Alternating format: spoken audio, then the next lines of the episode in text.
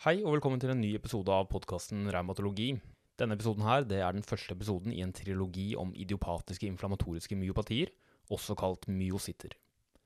Denne trilogien den vil bestå av to oversiktsepisoder og én ekspertepisode. I denne første oversiktsepisoden så snakker jeg litt generelt om idiopatiske inflammatoriske myopatier. Jeg introduserer ulike undergrupper av idiopatisk inflammatorisk myopati. Jeg snakker litt generelt om manifestasjoner og litt generelt om utredning. I neste episode så går jeg litt grundigere inn på de ulike undertypene av idiopatisk inflammatorisk myopati, og om hvordan vi kan bruke myosittspesifikke autoantistoffer til å si noe om prognose og forventet forløp. Den tredje og siste episoden det vil være en ekspertepisode som fokuserer på tips og triks om utredning og behandling av disse tilstandene. Jeg håper dere vil like det. Kollegaen jeg har med i dag, er ikke Liss. Hun er overlege. Hun er til og med seksjonsoverlege.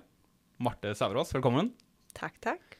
Marte, du er jo spesialist i indremedisin og lungesykdommer. Ja, Og så er du seksjonsoverlege ved Diagnostisk senter. det stemmer. Så du kan jo åpenbart uh, mye om mye. Ja, Og du er på min shortlist av mennesker jeg ringer hvis jeg lurer på noe vanskelig. og det er jo en ære. Det, det er en ære. Um, Marte, jeg hadde veldig lyst til å ha deg med i podkasten. Og så litt tilfeldig så ble det akkurat om dette emnet her, uh, som er myositt. Eller Veldig idiopatiske inflammatoriske myopatier. Og eh, dette er jo tema som du kan en del om gjennom din jobb her ved Diagnostisk senter. Ja, Så jeg er ikke sikker på om du kommer til å lære noe av det jeg kommer til å si i dag. men, jo, det er jeg eh, helt sikker på at jeg gjør. men du er i hvert fall med for å sikre at det jeg sier, gir mening. Og komme med de oppfølgingsspørsmålene du eventuelt måtte ha underveis. Skal gjøre mitt beste.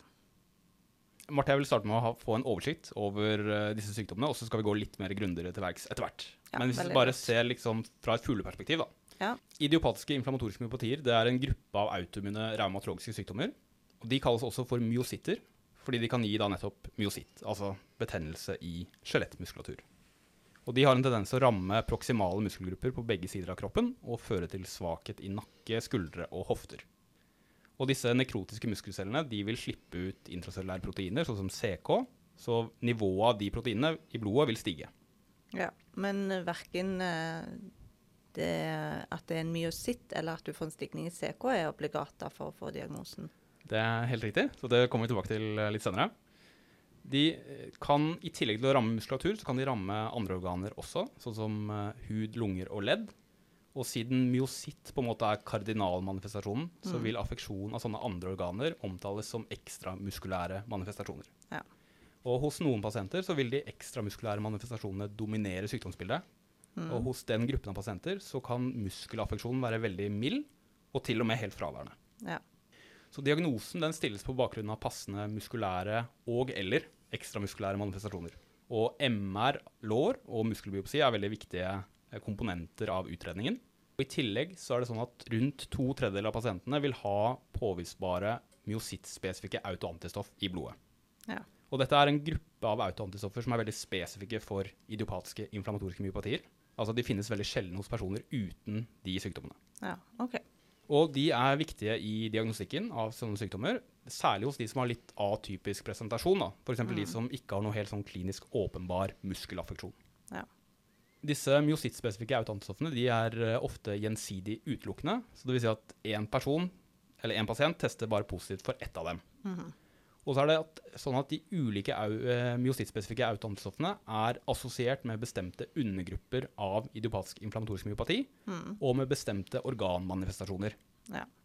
Så de har en eh, viktig både diagnostisk, men også prognostisk rolle i disse sykdommene. her. Mm. Idiopatiske inflammatoriske myopatier de deles inn i fem hovedtyper, basert på klinikk, histopatologifunn fra muskulatur og myosittspesifikke autoantistoffer. Og de fem gruppene det er polymyositt, dermatomyositt, antisyntetasesyndrom, immunmediert nekrotiserende myopati og inklusjonslegeme myositt. ja. I tillegg så kan idiopatisk inflammatorisk myopati oppstå sammen med en annen sykdom. Så hvis det oppstår sammen med en annen reumatologisk sykdom, f.eks. systemisk sklerose, Mhm. så kalles det en overlappsmyositt. ja. OK. Og hvis det oppstår i nær tidsmessig relasjon til en kreftsykdom, f.eks. ett år før eller etter kreftsykdommen, Mhm. så kalles det en kreftassosiert myositt. Ja, OK. Så hvis du har en tilstand som på en måte passer med dermatomyositt, men som oppstår i tett tidsmessig relasjon til kreft, Ja. så kaller man det heller en kreftassosiert myositt. Behandling av idiopatisk inflammatorisk myopati det innebærer glukokortikoider, altså steroider, Mm. i kombinasjon med annet immunsuppressiv behandling. Og Tradisjonelt så har det blitt brukt mye metotrexat eller asatioprin. Mhm. Men nå de senere årene så er det stadig mer vanlig å bruke andre medikamenter, særlig rituximab og intravenøse immunglobuliner. Ja. I tillegg så er det viktig med tilpasset fysisk aktivitet, fordi trening det har en antiinflammatorisk effekt i de affiserte musklene. I tillegg så er det jo selvfølgelig viktig for å bygge opp muskelmasse etter at betennelsen er kontrollert med medikamentell behandling. Ja. Ok, Så det var på en måte det fulle perspektivet på disse sykdommene. ja, veldig bra. Og så skal vi prøve å gå litt mer i dybden. Ja. Eh, Og, men før vi gjør det, så har jeg lyst til å bare snakke bitte litt om terminologi. Mhm. Fordi reumatologer de bruker begrepene idiopatisk inflammatorisk myopati og myositt synonymt. Ja. Myopati det betyr jo da en muskelsykdom, Ja. og vanligvis så brukes det om en sykdom med muskelsvakhet hvor årsaken til muskelsvakheten ligger i selve muskulaturen. Mhm. Så i motsetning til nevrologiske og nevromuskulære sykdommer, Mhm. hvor en eventuell svakhet da vil skyldes et problem i henholdsvis nervesystemet eller nevromuskulære endeplaten. Mhm. Så myopati er i praksis da en sykdom med muskelsvakhet grunnet et eller annet problem med muskulaturen. Ja. Og det problemet kan være enten atrofi og eller nekrose av muskelceller. Ja. Og vi skiller mellom inflammatorisk myopati og ikke-inflammatorisk myopati. Mhm. Og inflammatorisk myopati det betyr at det er inflammasjon i musklene. Ja. Så inflammatorisk myopati det er synonymt med myositt. Ja. Begge de to ordene refererer til at det er inflammasjon, altså basically leukocyttinfiltrasjon i musklene. Og hvis du har en sånn leukocyttinfiltrasjon i muskulatur, altså en myositt eller en inflammatorisk myopati, Ja. så vil man forvente at det er en viss grad av nekrose av muskelceller også. Okay, Ja. Men begrepet myositt sier ingenting om hva som kom først. Var det leukocytinfiltrasjonen, eller var det nekrosen? Myositt det kan ses ved disse revmatologiske sykdommene som vi snakker om i dag, altså de idiopatiske inflammatoriske myopatiene. Mm. Men det kan også ha annen årsak, f.eks. infeksjon, traume, toksiner eller medfødte muskelsykdommer. Ved de idiopatiske inflammatoriske myopatiene så er leukocytinfiltrasjonen den primære prosessen. Altså leukocytter infiltrerer frisk muskulatur og forårsaker nekrose av muskelceller. Ved disse andre tilstandene så er leukocytinfiltrasjonen sekundært til en annen prosess. Ja. Altså en, en infeksjon, et traume, et toksin eller en genetisk muskelsykdom fører til at muskelcellene gjennomgår nekrose, og så stimulerer det rekruttering av leukocytter inn i vevet. ja skjønner. Mm. Og jeg sier ikke dette her bare for å, å være en flisespikker, men jeg prøver bare å få fram at det er noen begrensninger med å bruke begrepet myositt og idiopatisk inflammatorisk myopati synonymt. Ja. Fordi myositt det er da en manifestasjon som kan ses da ved idiopatiske inflammatoriske myopatier. Men òg en rekke andre tilstander. En rekke andre tilstander nettopp. Ja. Og som vi skal komme litt tilbake til senere også, så er det noen med idiopatisk inflammatorisk myopati som ikke har myositt. Ja. Så dette her blir litt det samme som at systemisk sklerose ofte omtales som sklerodermi. Fordi sklerodermi det betyr tykk hud, og det er jo, ses jo nesten hos alle med systemisk sklerose. Men Ja. det kan også ses ved andre tilstander. Mhm. F.eks. morfia ancopte sabre har også hud. Eh, og så er det noen med systemisk sklerose som ikke har sklerodermi. Det kalles systemisk sklerose sin skleroderma. Så myositt og sklerodermi det er på en måte kardinalmanifestasjonene ved henholdsvis da idiopatiske inflammatoriske myopatier og systemisk sklerose. Mm. Men det kan også ha annen årsak, og det er ikke alltid til stede. Ja. Så derfor så bruker jeg nå begrepet idiopatisk inflammatorisk myopati. Ikke fordi det er et perfekt begrep, men fordi det er litt mer presist enn å si myositt. Men hvis man snakker om selve manifestasjonen, så er det jo selvfølgelig Myositt. fornuftig å bruke myositt. Mhm. Med på den? Veldig med. Ok, Da kan vi se oss ferdig med den terminologien, så da kan vi gå videre til litt om hvordan disse sykdommene arter seg. Og jeg vil begynne med å si at inklusjonslegememyositt den skiller seg fra de andre typene av idiopatisk inflammatorisk myopati på veldig mange måter. Ja. Så jeg vil i dag fokusere på de andre typene, egentlig. Ja. Altså polymyositt, dermatomyositt, antisyntetasesyndrom og immunmediert nekrotiserende myopati. Ja. Og eh, i denne episoden her så tenkte jeg å snakke litt overordnet om manifestasjoner og litt om utredning. Ja. Og så i neste episode snakke litt mer konkret om de fire ulike typene. Ja. Idiopatiske inflammatoriske myopatier det er ganske sjeldne sykdommer. Eh, Et estimat jeg så var at det var omtrent 40-50 nye tilfeller i Norge i året. Ja. De oppstår gjerne i 40 eller 50 års alder, og det er noe vanligere hos kvinner. Så ca. to tredjedeler av pasientene er kvinner. Symptomer og funn det kan deles inn da, som jeg sa, i muskulære og ekstramuskulære manifestasjoner. Ja. Og så kan man generelt si at muskulære manifestasjoner kan ses ved alle former for idiopatisk inflammatorisk myopati, mens ekstramuskulære manifestasjoner det ses først og fremst ved dermatomyositt og antisyntetasesyndrom. Ja.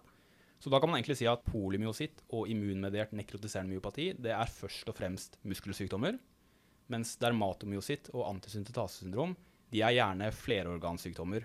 Ja. Og ved de tilstandene så kan de ekstramuskulære manifestasjonene dominere. Ja. Polymyositt er vel veldig sjeldent. Det har vi ikke sett her. Det er, Eh, det er helt sant. tror du at noe av grunnen til det er at de ikke har de ekstra muskulære Vi, vi skal snakke litt om det neste gang også, men polymyositt er på en måte det, det originale begrepet for hele den sykdomsgruppen. Mm. Og så etter hvert som de nye sykdomsgruppene ble identifisert, Ja. så innså man at mange som først, eller på en måte opprinnelig ble oppfattet å ha polymyositt, faktisk Mm. har en av de andre tilstandene. Så den gruppen med de vi da kaller polymyositt, blir stadig mindre. Ja. Og det er ganske omdiskutert om det i det hele tatt er noe som heter polymyositt, eller om den gjenværende lille gruppen der er andre undergrupper som vi på en måte ikke har karakterisert godt nok per i dag. Ja. Så begrepet polymyositt er litt i ferd med å forsvinne. I hvert fall er det mange eksperter som, som mener det, eller lener den veien. Mm. Kan jeg spørre om en ting til? Ja. Hvordan, eh, hvor lenge har, man, har det vært en diagnose? Hvor lenge har man snakket om polymyositt? Vet du det? Jeg, det vet jeg ikke. Nei. Eh, jeg, jeg, jeg tror det går tilbake til 1800-tallet. Og så Ja. var det, det, det sitt ble skilt ut uh, på 70-tallet, mener jeg. Ja. Med introduksjonen av noen kriterier som heter Peter and Bohan, som Mhm. skiller da mellom de to tilstandene. Hvor det skillet hovedsakelig var da uh, tilstedeværelse av utslett, som vi skal komme tilbake til. Ja. Og så uh, ble andre eh, tilstander, eh, sånn som antisyntetasyndrom, beskrevet Mm. på 90-tallet, mener jeg. Og eh, immunmediert nekrotiserende myopati på 2000-tallet. Sånn som jeg husker det. Men Ja, du får ta ja, det med en klype salt. Men, eh, men det er særlig de siste tiårene at man, har, at man har eh, identifisert disse andre undertypene, og disse eh, myosittspesifikke autoantistoffene Mm. har kommet frem og, og på en måte endret hvordan vi ser på disse sykdommene, hvordan vi klassifiserer dem. Mm. Ok, men da eh, kan vi gå videre til disse muskulære manifestasjonene. Og idiopatiske inflammatoriske myopatier de gir vanligvis en subakutt innsettende, symmetrisk, proksimal, smertefri muskelsvakhet og redusert muskulær utholdenhet. Ja. Så vi kan prøve å brekke ned den setningen da, i ulike komponenter, og vi kan begynne med at det er symmetrisk proksimal muskelsvakhet og redusert muskulær utholdenhet. Så dette betyr at de rammer proksimale muskelgrupper, Mm. altså nakke, skuldre og hofter. Ja. Og svakhet i skuldre og hofter gjør at de gjerne har problemer med å løfte armene over hodet, Mm. og problemer med å reise seg fra sittende stilling. Ja. Og da er det gjerne dype stoler og lave senger som er særlige problemer. da. Ja. Det er lettere å komme seg av en høy barkrakk eller en høy undersøkelsesbenk. Men lave, lave stoler, lave senger, lave biler, det er særlig vanskelig. Og da må de gjerne bruke armene til å måte dytte seg litt opp da, fra, fra den stillingen. ja. Men det kan du se hos polymyalgi revmatikerpasientene også. Det Men de har vondt. Det kommer vi til veldig Ja. snart. Det er helt, eh, helt riktig. Eh, jeg skal bare gjøre meg litt ferdig med svakheten, så går vi til polymyalgi og revmatika. Okay? Fordi i nakken så har de også svakhet ofte, da, ikke sant? Og da er det sånn at gjerne nakkefleksorene er mer svake, eller de er svakere, enn nakkeekstensorene. Okay. Så de har gjerne problemer med å løfte hodet fra puten hvis de ligger på ryggen. Ja. Men når de står oppreist, så er det vanligvis ikke sånn at hodet faller fremover. Fordi nakkeekstensorene er, er, er sterke nok til å holde hodet oppe, da. Ja. Redusert muskulær utholdenhet det beskrives gjerne som melkesyrefølelse når de skal gjøre gjentatte oppgaver med øh, den affiserte muskulaturen. F.eks. sette inn ting fra oppvaskmaskinen opp i overskap. ja. Og så sa jeg at disse sykdommene de oppstår subakutt. Så det betyr at svakheten progredierer da gjerne over uker og måneder. Så det er ikke en sånn akutt innsettende prosess fra en dag til en annen. Nei. Og siden det går, no, altså går over noe tid, så er det noen som først tilskriver dette her alderdom, og at de bare er i dårlig fysisk form. Og så kan de tilpasse aktivitetsnivået sitt den gradvis avtagende muskelfunksjonen. Ja. Så det er noen som, når de først kommer til lege, eh, på en måte underrapporterer litt hvor svake de faktisk er. da. Fordi de bare har lagt om livsstilen sin på en måte som passer for den dårligere eh, muskelkraften deres. Mm. Så det er gjerne først når du undersøker dem at du ser at ok, du er faktisk så svak. Ja. Mm. Og så sa jeg at det var smertefritt, og det har du jo allerede nevnt. ikke sant? Ja. Eh, Dette her, eh, for det er et veldig viktig poeng. De, de kan ha litt melkesyrefølelse, og de kan ha Mm. litt eh, lett myalgi, men, men Mm. smerte og, og stivhet er ikke fremtredende, da. Og, og der er det, som du sier, dette viktige skillet med polymyalgia rheumatica, Mm. som jeg tror det er verdt å måte, ta et lite sidespor om. da. Ja. Fordi begge de to sykdommene, altså idiopatiske inflammatoriske myopatier og polmyager og matka det er jo reumatologiske sykdommer. Mm. Og ved begge sykdommene så kan pasientene beskrive problemer med å løfte armene over hodet og, og komme seg opp fra sittende stilling. Ja. Men de sykdommene er helt forskjellige, fordi Mm. årsaken til at personer med idiopatisk inflammatorisk myopati ikke kan gjøre de tingene, er jo pga. svakheten, ikke sant? Så det er nekrose og betennelse i muskulaturen, så musklene er syke. Ja. Så det er svakhet som begrenser dem. Ja. Mens ved polymyalgia rheumatica, sånn som du sier, det er jo en sykdom som, som ikke rammer muskulatur. Altså musklene til de Nei. personene er helt friske. Det er ikke noe inflammasjon eller nekrose i muskulaturen. Men de har betennelse i bursar og senefester Ja. rundt skuldre og rundt Mm. hofter. Og den betennelsen gjør at de får vondt og er stive, Mm. og av den grunn har problemer med å gjøre de bevegelsene. Så de kan, de kan beskrive at de er svake, men hvis du på en måte eh, går litt dypere i det, så er det at de har veldig vondt og er stive. Og hvis de klarer å presse gjennom smerten, Mm. så vil du oppdage at de har normal kraft. Ja. Og det er andre ting som, gjør, som skiller disse, fra, eh, disse sykdommene fra hverandre. Som sagt så sa vi jo det at idiopatiske inflammatoriske myopatier det rammer hovedsakelig middelaldrende personer, Mm. 40-50-årene, og oppstår gradvis over uker eller måneder. Mens polymyalgi rheumatica rammer eh, i praksis utelukkende personer over 50 år, og gjerne Mm. godt over 50 år, Ja. sånn i 70-årene. Ja. Og oppstår ja, vanligvis veldig raskt. Gjerne fra en dag til en annen. Mm. Altså De kan føle at de ble 20-30 år eldre over natten, nesten. ikke Ja. sant? Uh, og så er det jo at muskelnekrose ved idiopatisk inflammatorisk myopati gjør at Mm. CK i blodet stiger. Mens ved polymyalgia rheumatica så er jo musklene friske og intakte uten Ja. nekrose, så CK vil også være normal. Ja. Som vi skal snakke om senere, så er det sånn at idiopatiske inflammatoriske myopatier vil ofte ha normal CRP og senkning, selv ved aktiv sykdom. ja, OK. Mhm. Mens ved polymyalgi rheumatica så er jo de nesten i praksis alltid forhøyet. da. Ja. ja. Men man har jo en liten uh, utfordring. Vi har jo veldig mange som henvises Mm. med muskelsmerter, med muskelsvakheter, med trøtthet, ikke Mm. sant? Og hvis de da har normal CK og normal CRP-senkning, altså helt streite blodprøver, så kan vi jo likevel ikke si at ikke de har en idiopatisk inflammatorisk myositt. For alle må jo ikke ha en høy CK, det sa du. Mm. Jeg vil si at de aller fleste vil ha forhøyet CK. Ja. Ikke sant? Altså mer enn 90% vil ha okay. det. Uh, sånn at det er kun en liten gruppe som har idiopatisk inflammatorisk myopati Ja. uten CK-forhøyelse. Og de pasientene vil vanligvis ha ekstramuskulære manifestasjoner som gjør at man catcher sykdommen Mm. med, gjennom utslett eller eventuelt intensivert lungesykdom. Mm. jeg tror det er viktig å få frem at CK er, som vi skal komme tilbake til senere også, er en, er en veldig verdifull markør Ja. som man vanligvis vil forvente at er for høyt ved Ja. disse sykdommene. Altså. Så Ja. vi må ikke legge for mye vekt på denne lille gruppen som ikke, Ikke. har, okay. eh, som ikke har muskelaffeksjon og ikke har høy CK.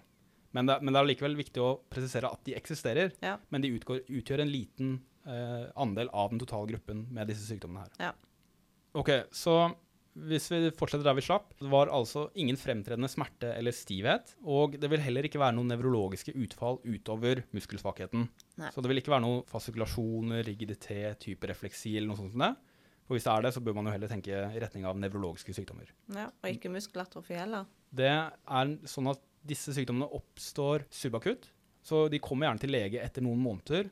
Og da har den sykdommen vanligvis ikke stått lenge nok til å gi uttalt atrofi. Da. Så det, muskelmassen vil ofte se normal ut, men at de har ganske uttalt svakhet. Ja. Men det er klart, hvis den står veldig lenge ubehandlet, så vil de jo oppleve en del atrofi.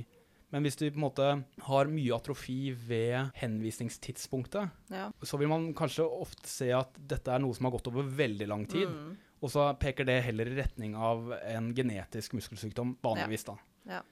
Eh, Så de kan ha en viss grad av atrofi, men vanligvis så har de relativt bevart muskelmasse når de blir så svake at de oppsøker lege. Ja. Ok, så da har vi beskrevet da innholdet i den setningen, som jeg sa. Ja. Subakutt innsettende, symmetrisk, proksimal, smertefri muskelsvakhet og redusert muskulær utholdenhet. Som jo er den typiske beskrivelsen av de muskulære manifestasjonene ved idiopatisk inflammatorisk myopati, som da skyldes inflammasjon i proksimale skjelett, proksimal skjelettmuskulatur. Samtidig så er det viktig å være klar over at disse sykdommene kan også ramme annen tverrstripet muskulatur. Så de kan ramme tverrstripet muskulatur i svelget og øvre del av usofagus, som gir Ja. dysfagi og regurgi regurgitasjon. Og dette er ganske vanlig, og det kan være veldig plagsomt. Så det kan gi problemer med å spise, og det kan også gi risiko for aspirasjon, med da aspirasjonspneumoni og aspirasjonspneumonitt. Ja. De kan også ramme tverrstripet tverrstrippet muskulatur eh, i diafragma og annen respirasjonsmuskulatur, som kan gi dyspné. Mm. Uh, og så kan de også ramme tverrstripet hjertemuskulatur. Altså å gi en myokarditt eller en kardiomyopati, som kan gi Ja. hjertesvikt eller arytmi. Men klinisk signifikant hjerteaffeksjon er ganske uvanlig. Ja. Men subklinisk affeksjon er visstnok vanligere, da. Ja. Så hvis vi skal oppsummere de muskulære manifestasjonene, så er det da denne subakutt innsettende symmetrisk proksimale smertefrie muskelsvakheten. Ja. Og det er eventuelt også dysfagi, diafragmasvakhet med dyspné, og eventuelt kardiomyopati med da potensielt hjertesvikt og eller arytmi. Mm. Ok, La oss gå videre til de ekstramuskulære manifestasjonene. Eh, som sagt så ses det først og fremst ved dermatomyositt og antisyntetasesyndrom. Mm. Og det er særlig tre ekstramuskulære organer som rammes. Det er hud, lunger og ledd. Så vi kan begynne med hudmanifestasjonene. Dermatomyositt det er en sykdom som er forbundet med mange ulike typer utslett. De mest karakteristiske det er heliotropt utslett og gotronske papler. Ja. Heliotropt utslett det er eh, rødlilla erytem rundt øynene, Mm. ofte med litt ødem. Ja. Mens gotronske papler det er rødlilla lesjoner på ekstensorsiden av ledd, oftest fingerledd, Mm. sånn som MCP, PIP, Ja. DIP. Og det er papler, så de er hevet fra underlaget. Ja. I tillegg så har vi noe som heter Gotrons tegn. Ja. Og det virker å være litt uenighet i ulike kilder hva det egentlig er. Noen bruker det om gotronske papler som er på ekstensorsiden av andre ledd enn fingerledd, Okay. f.eks. albuer eller knær. Ja. Mens andre virker å bruke det begrepet om gotronske papler som ikke er hevet, altså gotronske makler på et vis, da. F.eks. over MCP og PIP. OK. Eh, Jeg vet ikke om det er noe fasit, men, men du ser på en måte begge deler bli brukt i ulike pålitelige kilder. da. Men Men jeg- det er liksom Gotron, har navn, Gottron vet nok svaret på det, men Ja. eh, jeg vet ikke hvem Gotron er, eller om han lever og kan oppklare det mysteriet. Eh, Men jeg tror det er viktigst, eller det viktigste er å kjenne til heliotropt utslett og gotronske papler, som er på en måte de mest karakteristiske utslettene, og de regnes også å være patognomoniske for dermatomyositt. OK. Ja.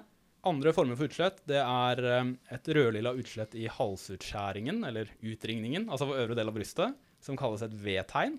Altså som at man har brukt eh, V-hals og blitt solbrent. Mm. Man kan ha et tilsvarende utslett på øvre del av ryggen og nakken. Kalles Ja. et sjaltegn. Ja. Og man kan ha det på utsiden av øvre del av lårene. Og det kalles et hylstertegn. Som Ah. liksom et pistolhylster, da. Ja. Mm. ja, skjønner. Ja. Og man kan ha det i hodebunnen. ja. Og disse, altså utslettene i disse områdene de kan utvikle noe som heter, poikilodermi. POI, kilodermi. Mhm. Som er eh, postinflammatoriske forandringer med en kombinasjon av hypopigmentering, hyperpigmentering, atrofi og telangiektasir. ja. Vet man noe om hvorfor det kommer akkurat i disse områdene? Er det soleksposisjon, eh, eksponering? Ja, Ja. så de er gjerne fotosensitive, da, disse Mm. utslettene her. Eh, Ikke alltid, men ofte så er det det. Ja. At det da kommer i disse områdene. Men, men f.eks. hylsertegnet da. Det er ikke, si det, det er ikke mye sol der. ikke så veldig mye sol der, så det, der følger ikke de, det utslettet følger ikke den regelen nødvendigvis. Bare hvis du går med speedo.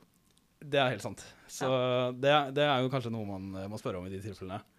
Eh, badebuksepreferanser. Men eh, jeg vet ikke eh, hvorfor det hos noen er fotosensitivt, og hvorfor det hos andre ikke er det. Nei. Men det er i hvert fall viktig å få frem at de er gjerne fotosensitive, og det kan være kløende utslett. Og det kan Mm. være veldig plagsomt, den kløen. Eksempel i hodebunnen er det noen som har veldig store plager med hudkløe. Ja. Og pasienter med dermatomyositt de kan også ha et fotosensitivt og kløende utslett i eh, ansiktet, i Mm. sommerfugldistribusjon. Ja. Altså over nese og kinn. Og det utslettet kan ligne veldig på det som eh, er assosiert med, med lupus. Ja. Og hvis du biopserer huden til en person med dermatomyositt, Mm. Så vil du se de samme histopatologiske forandringene som ved kutan lupus. Okay. Altså sånn interfasedermatitt, Ja. som betyr at det er leukocytter i overgangen mellom dermis og epidermis. Okay. Så biopsi kan faktisk ikke skille de tilstandene fra hverandre. Nei.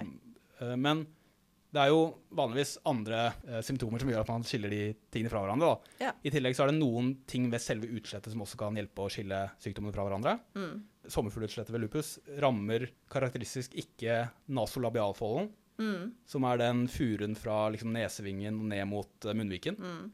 den er vanligvis ikke affisert av utslettet ved lupus, Nei. mens den er vanligvis det ved dermatmyositt-utslettet. I tillegg så er det utslettet ved dermatmyositt som sagt gjerne kløende, mens det vanligvis ikke er det ved lupus. OK, ja, ja. Og så var det leukocytinfiltrasjon igjen, som i muskulaturen. Ja, nettopp. Ja. Og eh, vi kan ta det allerede nå. altså Hudbiopsi er vanligvis ikke nødvendig ved disse tilstandene, men hvis du har en, en pasient som ikke har muskelaffeksjon, men Mm. har utslett som kan passe med dermatmyositt, Mm. så kan hudbiopsi være aktuelt for å måte se etter funn som kan støtte diagnosen. Ja. Ja. Og så blir det jo fort at hvis du, har, hvis du er usikker, og du har kun et utslett, så blir det jo fort at du tar en biopsi der. Det, det kan være aktuelt, absolutt. Så det, det, det var utslettene ved dermatmyositt. Ja. Altså helotropt utslett, gotronske papler, gotronsk tegn, hva nå det enn det er. og eh, fotosensitivt eh, utslett eh, i, på øvre del av brystet, øvre del av rygg, øvre del av lår og eh, hodebunn. Ja. Og eventuelt også i ansiktet. Mm. Pasienter med antisyntetasesyndrom de kan også ha noen av de samme utslettene. Mm. Men den mest karakteristiske hudmanifestasjonen ved antisyntetasesyndrom er det vi kaller mekanikerhender. Ja. Som er sånn flisete, sprukket hud på radial- og palmarsiden av fingre. Gjerne pekefingeren. Mm. Som at du på en måte har skrudd inn skruer for hånd Mm. og fått sånn flisete hud eh, på pekefingeren. Ja. Mekanikerhender. Ja. Og mekanikerhender kan også ses ved dermatomyositt. Så, så Ja. så det er en viss overlapp her. Men Mm. de utslettene vi først nevnte her, det er de Mm. som er vanligvis ses ved dermatomyositt, Mm. mens antisyntetasesyndrom gjerne har mekanikerhender. Ja. Jeg merker at det er litt vanskelig å si antisyntetasesyndrom mange ganger, men uh, jeg håper du forstår hva jeg mener. Ja. Ibsen, ripsbusker osv. Ja. I tillegg så er det det at uh, Raynaud forekommer ved både dermatomyositt og antisyntetasesyndrom. Ja.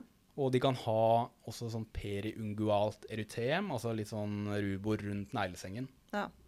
Og den siste hudmanifestasjonen jeg vil nevne, det er kalsinose, altså sånn kalkutfelling i subkutant vev, Ja. eh, som kan ses gjerne eh, ved områder hvor, det er, hvor man er utsatt for mikrotraumer eller, eh, eller friksjon. Mm.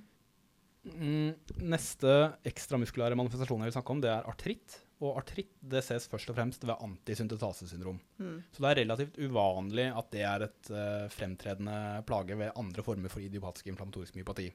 Men artritten ved antisyntetasesyndrom det er ofte en symmetrisk perifer polyartritt. Altså at den rammer mange små ledd, Ja. som typisk fingerledd, håndledd. Mm. Mm. Og det kan noen ganger gi erosjoner, altså Ja. eh, strukturelle forandringer på røntgen. Så den artritten der, den kan ligne ganske mye på raumatoid artritt. Ja. Og siden artritt kan være debutmanifestasjonen av antisyntetasesyndrom, Ja. så vil en del av de pasientene først få en annen diagnose, da gjerne reumatoid artritt. Mhm. Og så er det først når de utvikler andre manifestasjoner, f.eks. myositt eller intensiv lungesykdom, at man tenker mer i retning av antisyntetasesyndrom. Ja. Skal komme litt tilbake til det også i neste episode. Den siste ekstramuskulære manifestasjonen jeg vil snakke om, det er interstitiell lungesykdom. Å ja. Og nå merker jeg at pulsen stiger, Ja. og at jeg er veldig redd for å tråkke feil. Men eh, det der kan jo du selvfølgelig godt. veldig mye bedre enn meg. Men interstitiell lungesykdom, på engelsk interstitial lung disease, Mhm. forkortet ILD. Ja. Eh, også kalt interstisiell pneumoni. ja.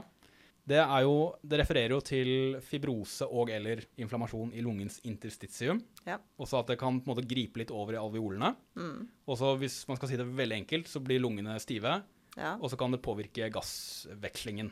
Nettopp. Mm. Og eh, interstitiell lungesykdom det deles inn i ulike typer.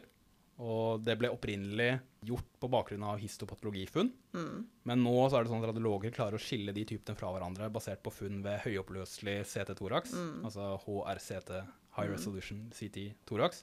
Så biopsi er ganske sjelden eh, gjennomført nå. Ja. Er det riktig å si det? Ja, og i tillegg så har du problemet at eh, man noen ganger finner en, en diagnose radiologisk og en diagnose på histologien, og så er det klinisk, ville man stilt en tredje diagnose. Nettopp. Så ja, av og til så har vi ikke hatt den store nytten av å gjøre biopsiene, og med åpen lungebiopsi, det er jo ganske invasivt. Ja. Men nå har vi jo kryo, da, så nå kan vi faktisk ta litt flere biopsier. Jeg merker at uh, vi, må ha tilbake, vi må ha en egen episode om dette her temaet Det her på et eh, tidspunkt. Men um, hvis vi sier da at de ulike typene av interstitiell lungesykdom, det inkluderer eh, non-specific interstitial, interstitial pneumonia, Mm. NSIP. Mm. Usual interstitial pneumonia, UIP. Ja. Lymphoid interstitial pneumonia, Mm. LIP. Mm. Acute interstitial pneumonia, AIP. Ja. eh, organiserende pneumoni Ja. og noen flere. Ja. Og det er mange ulike årsaker til ILD. Mm. Det kan oppstå som en egen isolert lungesykdom. Ja. Det kalles også idiopatisk interstisiell pneumoni, Ja. IIP. Mm. Eh, Men det kan også oppstå da bl.a. som en manifestasjon av en revmatologisk sykdom, Mm. herunder idiopatiske inflammatoriske myopatier. Ja. Interstisiell lungesykdom ved revmatologisk sykdom det er oftest i et NSIP-mønster, Mm. NSIP-mønster. Ja. Uh, unntakene er eh, revmatid artritt, som ofte har UIP, Ja. og uh, sjøgren, som ofte har LIP. Ja. Ja, LIP. Og eh, som sagt, eh, det, dette her får vi dekke i en, en annen episode senere, men eh, så jeg skal, jeg skal ikke gå veldig i dybden. Men, men interstitiell lungesykdom det gir jo vanligvis da en, eh, en funksjonsdyspné og en tørrhoste. Ja. Men det kan være asymptomatisk, da særlig i tidlige faser og milde Mm. tilfeller. Ja. Lungefunksjonsundersøkelser vil typisk vise restriktiv eh, respirasjonsfysiologi, altså Mm. Med en redusert FSC, men bevart FV1, sånn at FV1 til FSC-ratioen er over 0,7, altså ikke obstruksjon. Mm. Riktig? Ja. Eller, ja, eller at du faller like mye i FSC og FV1, ikke sant? Så Ja. ratioen forblir ikke obstruktiv, altså at du får et restriktivt mønster. Riktig, Så, så ratioen er, er vanligvis over 0,7, i motsetning til de Mm. obstruktive lungesykdommene. Ja. Ja. For det som du sier, du, lungene blir stive av det. Ja. Mm. Og så som vi sa, denne prosessen i interstitie kan på en måte påvirke den alveolokapillære enheten, Ja. sånn at det blir dårlig gassveksling. Så Mm. DLCO kan også da falle Ja. som en konsekvens av det. Og ved mistanke om intensivert lungesykdom så skal det alltid tas eh, til thorax, fordi Mhm. røntgen thorax er ikke sensitivt nok. Nei. Og som vi da sa, så vil ofte funnet ved HRCT-toraks kunne både bekrefte at det foreligger intensivert Mm. og i mange tilfeller kunne uh, si hvilken type, Mm. uh, eller hvilket mønster det er, da, Mm. radiologisk. Og blant de idiopatiske inflammatoriske myopatiene så ses intensivert lungesykdom først og fremst ved antisyntetasesyndrom Ja. og ved dermatomyosit med autoantistoffet MDA5, Mhm. altså MDA5-positiv dermatomyosit. Mm. Intensivert lungesykdom ved idiopatisk inflammatorisk myopati det oppstår gjerne tidlig i sykdomsforløpet, og det er gjerne til stede ved diagnosetidspunktet. Mm. Ved antisyntetasesyndrom så ses ofte en subakutt eller langsomt progredierende intensivert lungesykdom, og det typiske mønsteret er NSIP, Ja. NSIP. Mm. Mens ved anti-MDA5-positiv dermatomyositt så kan man se i noen tilfeller en veldig alvorlig og raskt progrederende intensivert lungesykdom. Mhm. Og jeg tror det mønsteret man gjerne da ser, er et, noe som er på en måte i AIP-gaten, akutt intensivell pneumoni. Og vi kan si litt mer også om det i neste episode. Ok, Så denne sammenhengen med idiopatisk inflammatorisk myopati og intensivell lungesykdom det har jo da betydning for eh, vår praksis. Eh, så Ja. Som revmatolog så pleier man å screene alle pasienter med nydiagnostisert idiopatisk inflammatorisk myopati med HRCD-toraks og lungefunksjonsundersøkelser ved diagnosetidspunktet. Ja. Og så er det jo også sånn at Siden intensivell lungesykdom kan være første manifestasjon av noen av disse sykdommene, særlig da antisyntetasesyndrom og MDA5-positiv dermatmyositt, Mm. så er det også sånn at lungeleger da gjerne rekvirerer disse myosittspesifikke autoantistoffene Ja. når de utreder personer med intensivell lungesykdom. Mm. Ok, så Da kan vi oppsummere de ekstramuskulære manifestasjonene av idiopatiske inflammatoriske myopatier. Som sagt så ses dette først og fremst ved dermatomyositt og antisyntetasesyndrom. Mm. Og de kan være debutsymptomet av, av, av tilstanden, Mm. og det kan i noen tilfeller dominere sykdomsbildet. Og de ekstramuskulære manifestasjonene det inkluderer hudforandringer, da særlig helotropt utslett og gotlandske papler ved dermatomyositt, og mekanikerhender ved antisyntetasesyndrom. Mm. Det inkluderer artritt, særlig ved antisyntetasesyndrom, Ja. som da gjerne er en symmetrisk perifer poliartritt som kan ligne på revmatidartritt. Og så til slutt så er det intensisert lungesykdom, og da igjen særlig ved antisyntetasesyndrom og anti-MDA5-positiv dermatomyositt, hvor Ja. den sistnevnte kan være veldig alvorlig. Og eh, selv om det på en måte ikke regnes som en manifestasjon av sykdommen, så er det viktig å være klar over at idiopatiske inflammatoriske myopatier har en sammenheng med malignitet. Mm. Så det er en økt risiko for malignitet, særlig ved noen av disse sykdommene.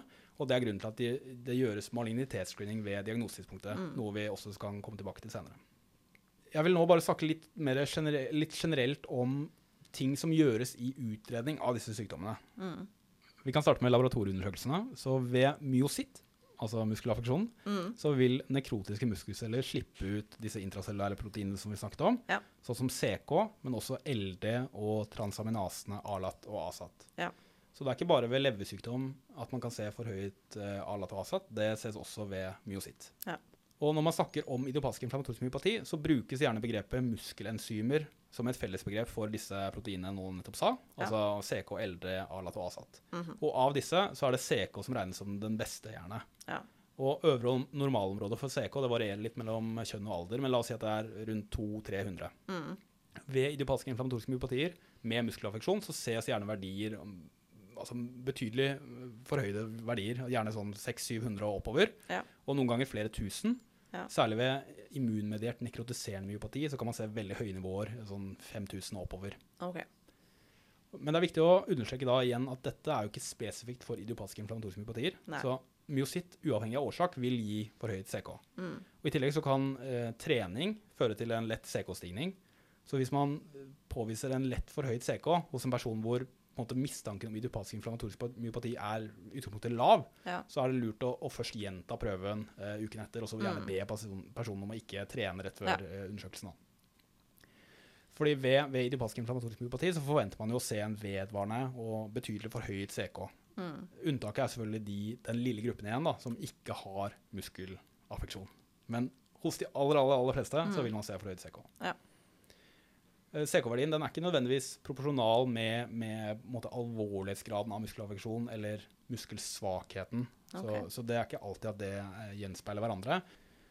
Eh, generelle blodprøvefunn som ses ved de fleste revmatologiske sykdommer, det er jo en normocytær anemi som uttrykk for inflammasjon. Inflammasjon, ja. Mm. og forhøyde inflammasjonsmarkører. Men som jeg sa, så er det ofte ved idiopatisk inflammatorisk myopati normale verdier av alle disse. Altså normal HB, Ja. normal CRP og normal senkning. Ja. Selv ved aktiv sykdom. Okay. Og jeg hørte en uh, myositt-ekspert som heter Lisa Christopher Stein. Hun sa det at hvis hun ser anemi hos en person med nydiagnostisert idiopatisk inflammatorisk myopati, så tenker hun ofte i retning av underliggende kreftsykdom. Mhm. ja. eh, Um, Fordi det, det er relativt vanlig at den er normal. da. Eh, og så er det jo sånn at CK, nei, CRP og senkning kan jo absolutt være forhøyet, ja. uh, særlig hos de med intensiv lungesykdom eller hissig artritt. Mm. Men poenget er bare at man skal ikke utelukke sykdommen basert på en normal CRP og senkning. Nei. Da kan man gå litt i bare. Ja. Og på samme måte så kan jo selvfølgelig noen ha anemi uh, også sant, som en del av sykdommen, uten at det er Mm. noe underliggende. Men, men, men som, poenget er at de kan være normale, alle de prøvene der. Så, så typiske blodprøvefunn ved idiopatisk inflammatorisk myopati det er jo da gjerne forhøyet CK og andre Mm. muskelenzymer. Eh, og ofte normal HB, CRP og senkning. Ja. Og så er det ofte lurt å ta TSH, fritt T4 og elektrolytter, sånn i differensialdiagnostisk mm. eh, tankegang, Mm. fordi hypotyreose og elektrolyttforstyrrelser kan gi muskelsvakhet. Mm. Neste viktige laboratorieundersøkelse det er disse myositt-relaterte autoantistoffene. Og det er to grupper av dem. Det er myositt-spesifikke autoantistoffer og myositt-assosierte autoantistoffer. Ja. Myositt-spesifikke autoantistoffer det er jo da en gruppe av autoantistoffer som er veldig spesifikke for idiopatisk inflammatorisk myopati. Som sagt, De ses sjelden hos personer uten disse sykdommene, Ja. og de er gjensidig utelukkende vanligvis. Ja. Og som sagt så er de forbundet da med bestemte undertyper av idiopatisk inflammatorisk myopati. Så noen av dem er forbundet med dermatomyositt, andre med antisyntetasesyndrom, og andre igjen med immunmediert nekrodiserende myopati. Ja. Og rekvirering og tolkning av sånne myosittspesifikke autoantistoffer tenker jeg at er en spesialistoppgave. ja, Altså for det var mitt neste spørsmål. Ja. jeg tenker at det er forbeholdt revmatologer og Mm. eventuelt nevrologer som utreder mm. myopatier. Ja. Og da som sagt lungeleger som utreder personer med Ja. intensivert lungesykdom. Så for alle andre så er det ikke nødvendig å kjenne til navnet på disse eller betydningen av de enkelte eh, myosittspesifikke autoantistoffene. Men det, men det er greit å vite at de eksisterer, Ja. og at de har en diagnostisk og prognostisk verdi. Mhm. Og jeg skal komme tilbake til disse her i neste episode, men bare Ja. for å ta det litt kort, da, så er det sånn at myosittspesifikke autoantistoff som er assosiert med dermatomyositt, det er anti-MI2, Mm. anti-SAE, anti-NXP2, anti-TIF1 og anti-MDA5. Det er den gruppen som er assosiert med dermatmyositt, og vi skal snakke litt mer om dem i neste episode. Myosittspesifikke autoantistoff assosiert med antisyntetasesyndrom, det er en gruppe av myosittspesifikke autoantistoffer som rettes mot enzymet som heter aminoasyl-tRNA-syntetase. Så derfor heter de antisyntetaser, fordi det er rettes mot et Ah. enzym som har syntetase i navnet. Ja. Og um, det finnes åtte sånne antisyntase-antistoffer som, som kan testes for. Ja. Og så er det oppdaget flere andre som sannsynligvis kommer etter hvert nå i, i de neste årene, som blir tilgjengelige. da. Men det desidert vanligste antisyntetase-antistoffet det er anti-Jo1. Og så er det andre som er mer sjeldne, sånn som anti-PL7, anti-PL12, anti-OJ osv. Og de omtales da med fellesbetegnelsen antisyntetase-antistoffer, eller anti-aminoasyl-TRNA-syntetase-antistoffer. Myosittspesifikke autoantistoff som er assosiert med immunmediert nekrotiserende myopati, det er anti-HMG-CoA-reduktase og anti-SRP. Polymyositt er per definisjon ikke forbundet med noen myosittspesifikke autoantistoffer. Nei. Fordi eh, det er som, som vi snakket om i sted, altså idet man identifiserte disse myosittspesifikke autoantistoffene, så var det lettere å på en måte subkategorisere sykdommen, og så identifiserte man nye sykdomsgrupper som da måte ble trukket ut fra polymyosittbegrepet da, på et vis. Mm. Ja. Så der er du avhengig da av uh, klinikk, høy CK og muskelbiopsi Ja. for å stille diagnosen. Helt riktig. Mm. Og da er det på en måte noen muskelbiopsifunn som er beskrevet å være karakteristiske for polymyositt. Ja, OK. Så, så det, er, det er det du må stå igjen med da. Og så må det ikke være en overlappstilstand, og det må ikke være noe kreftsykdom assosiert med det. ikke sant? Ja. Mm. Så det er sånn sett eh, den En lille utelukkelsesdiagnose da blant Ja. myosittene. Ja, og, og, og det er grunnen til at det er så veldig veldig få av dem. da. Ja. Ikke sant? Fordi de fleste faller inn i de en eller i andre. sin plass til slutt. Mm. Ja. Ok, så, så rundt to tredjedeler av personene med idiopatisk inflammatorisk myopati de har et sånt myosittspesifikt autoantistoff. Og da er det jo samtidig viktig å understreke at det er jo en tredjedel av pasientene som ikke har et sånt myosittspesifikt Ja. Mm. autoantistoff. Eller da bestemmes undertypen av, av kliniske funn, altså muskulære og ekstramuskulære Mm. og, og histopatologiske funn fra muskelbiopsi. Og uh, da vil man ofte klare å plassere dem i en av disse undertypene vi snakket om. Ja. Eh, Så det er ikke sånn at de nødvendigvis blir polymyositt. F.eks. For eksempel hvis de har et karakteristisk utslett, så vil det jo være dermatomyositt. Og da kaller man det Mm. gjerne en seronegativ dermatomyositt, eller en myosittspesifikk autoantistoff-negativ Ja. dermatomyositt. På samme måte en seronegativ immunmediert mm. nekrotiserende myopati. ja. Ja, ikke sant? Ja. I, i den, så seronegativ betyr på en måte at det ikke har noen av disse relevante autoantistoffene i praksis. Ja. Da. Og det er ikke forventet at en person skifter eh, type av myosittspesifikt autoantistoff underveis i forløpet. Nei. Og nivået av autoantistoffet kan vanligvis heller ikke brukes til å måte, vurdere sykdomsaktiviteten. Det har litt med metoden de analyseres med også, at det er litt sånn semikvantitativ metode. Uh, så i, Enten påviser du det, eller så påviser du det ikke. Du påviser Ja. ikke mengden. de kan, eh, sånn som jeg har forst- hvis jeg har forstått det rett, da, Mm. så er det De kan gi, gi ut om det er svakt eller sterkt positivt, Mm. men det er en, en feilkilde i det der. At Ok. de, de klarer liksom ikke å gi en eksakt konsentrasjon eller nivå eller titer. Mm. Uh, så poenget er jo da at siden de, man ikke forventer at de skifter, og siden man ikke har noe helt sikker grunn til å følge nivået, Nei. så er det ikke grunn til å gjenta analysene etter at måte, diagnosen er satt, da, vanligvis. Nei. Og det er også fordi dette er ganske tidkrevende for laboratoriepersonellet, Mm. uh, og kostbare analyser. Men hvis de er negative, er det sånn at uh, man gjentar de etter en tid og ser om de er blitt positive, eller er det sånn at man tenker òg der at uh, er du negativ, så er du negativ? Igjen for å gi de eh, rett undergruppe og si noe om prognose. Ja. Jeg har ikke fasiten på det, men jeg ville tenkt at det, er, det hadde jeg absolutt vurdert å Mm. gjøre. Eh, også, også fordi, som sagt, så kommer det jo da bl.a. noen nye antisyntetiske Ja. antistoffer. Det kan være Mm. at måte, det har kommet til nye antistoffer, eller Ja. at eh, andre ting med selve analysen er endret, eller et eller annet sånt. Ja. Så jeg syns ikke det er urimelig å gjenta uh, i den situasjonen der. Men Mm. jeg har ikke fasiten på det. Eh, det, er vel i hvert fall, det er bare sånn jeg tenker. Mange av disse myosittspesifikke autoantistoffene det er antigener i cytoplasma. Og ANA, antinukleære antistoffer, Mm. tester jo for ting i cellekjernen. Mhm. Så det går an å ha negativ ANA, men fortsatt utslag på disse myosittspesifikke autoantistoffene. Så en uh, negativ ANA utelukker ikke på en måte tilstedeværelsen av et sånt myosittspesifikt Nei. autoantistoff nødvendigvis. Uh, Den neste gruppen av autoantistoffer ved idiopatisk inflammatorisk myopati, det er myosittassosierte autoantistoffer. Ja. Og dette er en gruppe autoantistoffer som forekommer ved idiopatisk inflammatorisk myopati, men som også kan ses ved andre revmatologiske sykdommer, og Mhm. også hos en del friske. Ja. Så de er derfor mindre spesifikke, og de har mindre diagnostisk og prognostisk verdi i denne Ja. sammenhengen her. da. Og de er heller ikke gjensidig utelukkende. Nei. Så en person kan ha flere myositt-assosierte autoanstoffer eh, med eller uten også et myositt-spesifikt autoanstoff. Ja. Og myositt-assosierte autoanstoffer inkluderer anti-SSA, Ja. anti-Q, Ja. anti-PMSCL. Og dette anti-PMSCL det er assosiert med en overlappstilstand mellom idiopatisk inflammatorisk myopati og systemisk sklerose, Mm. hvor PM står for polymyositt og SCL står for systemisk sklerose. Ok, så Utover laboratorieundersøkelsene så er det andre undersøkelser som også er aktuelt å gjøre da ved utredning av idiopatisk inflammatorisk myopati. Og den mest sentrale det er MR av lår. Mhm. Og den vil ved sitt vise ødem i muskulaturen Ja. som uttrykk for aktiv inflammasjon. Og hvis det har stått lenge, dette her, så kan Mm. man også se atrofi til en viss grad, og fettinfiltrasjon. Og disse forandringene er påfallende symmetriske. Det, Ja. det ser nesten ut som speilbilder av hverandre. Mhm. Det er ganske fascinerende, egentlig. Nevrofysiologiske undersøkelser, sånn som EMG og nevrografi, det kan skille mellom myopatiske tilstander Ja.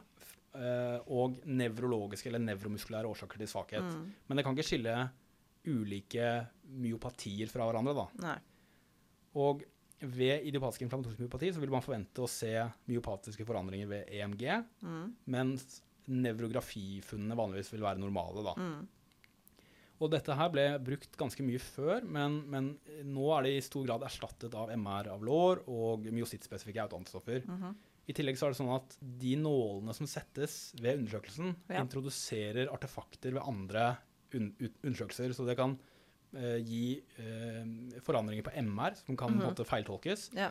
Og så også i muskelbiopsien, faktisk. Mm. okay. Og, så hvis man velger å gjøre EMG og nevrografi som liksom litt sånn i differensialdiagnostisk Mhm. øyemed, så er det vanligvis anbefalt at man gjør det ensidig, Mhm. og så biopserer man kontralateral side. Fordi okay, man forventer at det er på en måte symmetrisk affeksjon da, ved disse idiopatiske inflammatoriske Ja. myopatiene.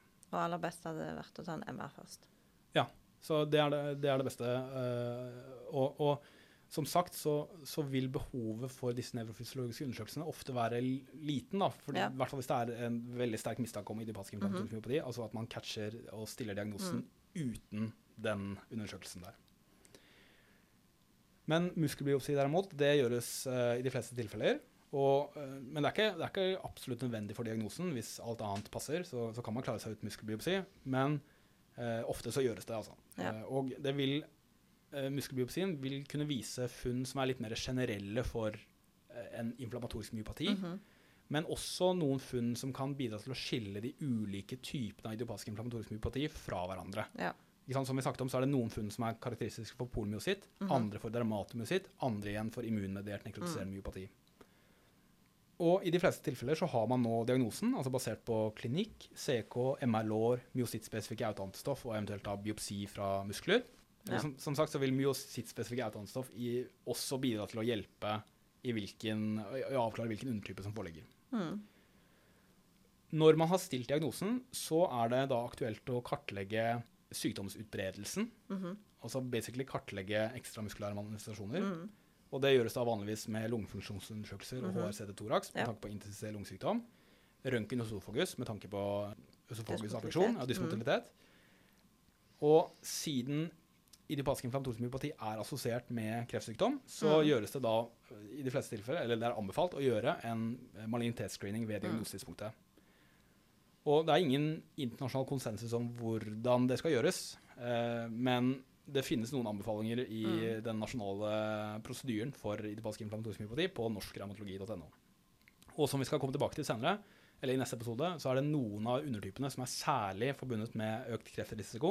Mm. Og ved de undertypene så er det aktuelt å gjenta malignite- malignitetsscreening årlig i tre til fem år Såpass. etter diagnosen er stilt. Mm. Men eh, flere kilder skriver at forekomsten av kreft er særlig høy i det første året etter Ja. diagnosen stilles. Mm, mm. Ok, så Hvis vi skal på en måte tenke litt hvordan man kommer frem til disse diagnosene, da, så er det jo på en Mm. måte egentlig tre veier inn til diagnosen. Mm. Den vanligste er jo en person som har symmetrisk proksimal muskelsvakhet og høy CK. Mm. At det er inngangsbilletten til, Mm. til diagnosen. ikke sant? Ja. Men det går jo også an å da ha en tilstand uten åpenbar muskelaffeksjon, eller hvor ekstramuskulære manifestasjoner er de, den første manifestasjonen av sykdommen. Mm. Så noen ender opp med diagnosen eh, ved at de først får et utslett, Ja. og da gjerne blir henvist til hudlege, og så ser hudlege disse utslettene som er Ja. gjerne karakteristiske, Mm. og i noen tilfeller patognomoniske Mm. for dermatmyositt, og henviser til revmatolog. Mm. Og så gjør revmatologen alle disse andre Mm. undersøkelsene. Den tredje måten er jo at det debuterer med en intensivell lungesykdom, Ja. og personen blir henvist til lungelege. De påviser dette, Ja. og så fatter de mistanke om idiopatisk inflammatorisk Mm. myopati, enten pga. symptomer eller myosittspesifikke Mm. og så leder det inn til revmatolog, som da igjen gjør disse andre undersøkelsene.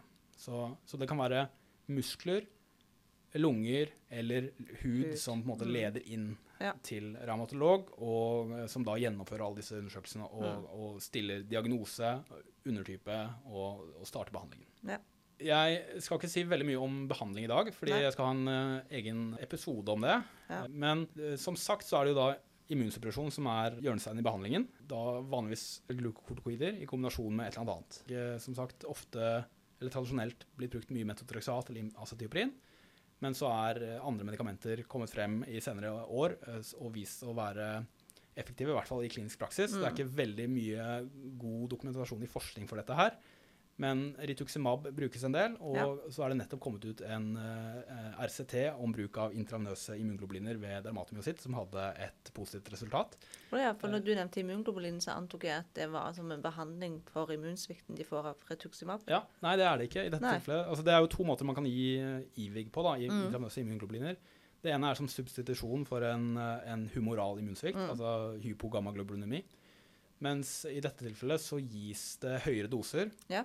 Med ambisjon om å dempe den skadelige immunresponsen. Mm, Og hvordan dette fungerer, det vet han egentlig ikke. mm, Men det, det virker jo det å gi dette her i høye doser har en immundempende effekt.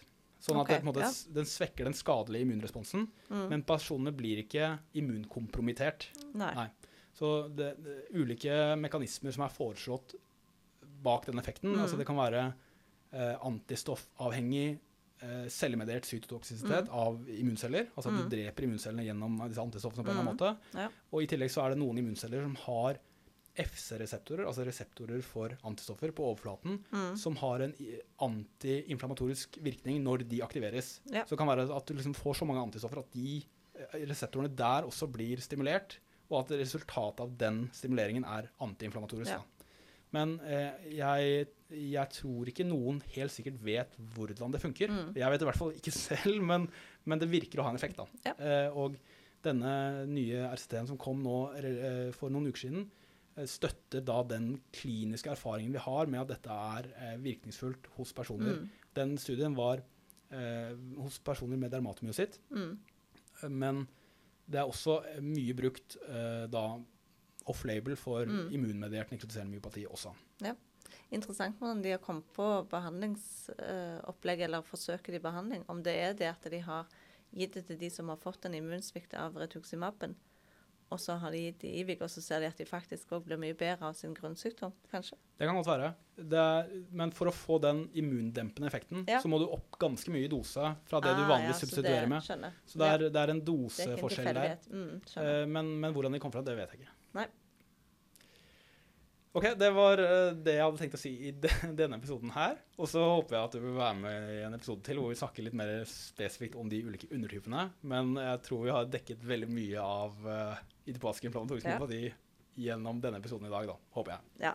Jeg blir med neste gang òg. Men uh, jeg skal gi deg en utfordring som jeg syns du skal ha med. Det er jo å finne kjente personer som har de forskjellige sykdommene. Ja. Ja. Og det var vanskelig å finne på uh, myositt eller uh, idiopatisk inflammatorisk myositt. Eh, for jeg fant bare Peter Frampton. Og hvem vet hvem Peter Frampton er? Frampton, Nei, sant? nei. Nei, Visstnok uh, en av David Bowie sine gitarister. Og, og så ble jeg så skuffa, for jeg skulle jo trumfe, trumfe det med det. For han hadde inklusjonslegeme. Ja, men det er jo, det er jo faktisk en del av idiopatiske inflammatoriske myopatier, da. Så du får den, altså. Og jeg liker den ekstremt smale referansen ja. uh, å avslutte denne episoden med. Det Ja, tror jeg bra. veldig mange setter stor Da får jeg jo komme tilbake. Absolutt. Ja. Men, da, men kommer du til å finne en ny kjendis med idiopatisk inflammatorisk myopati til neste, syk, Ja, Og neste jeg skal jobbe så hardt, men jeg tror det blir veldig vanskelig, for dette var det jeg brukte tiden min på i går. Ja, men det synes jeg er god bruk av tid. Ja. Tusen takk for at du kom, Marte. Vi snakkes snart igjen. Det gjør vi.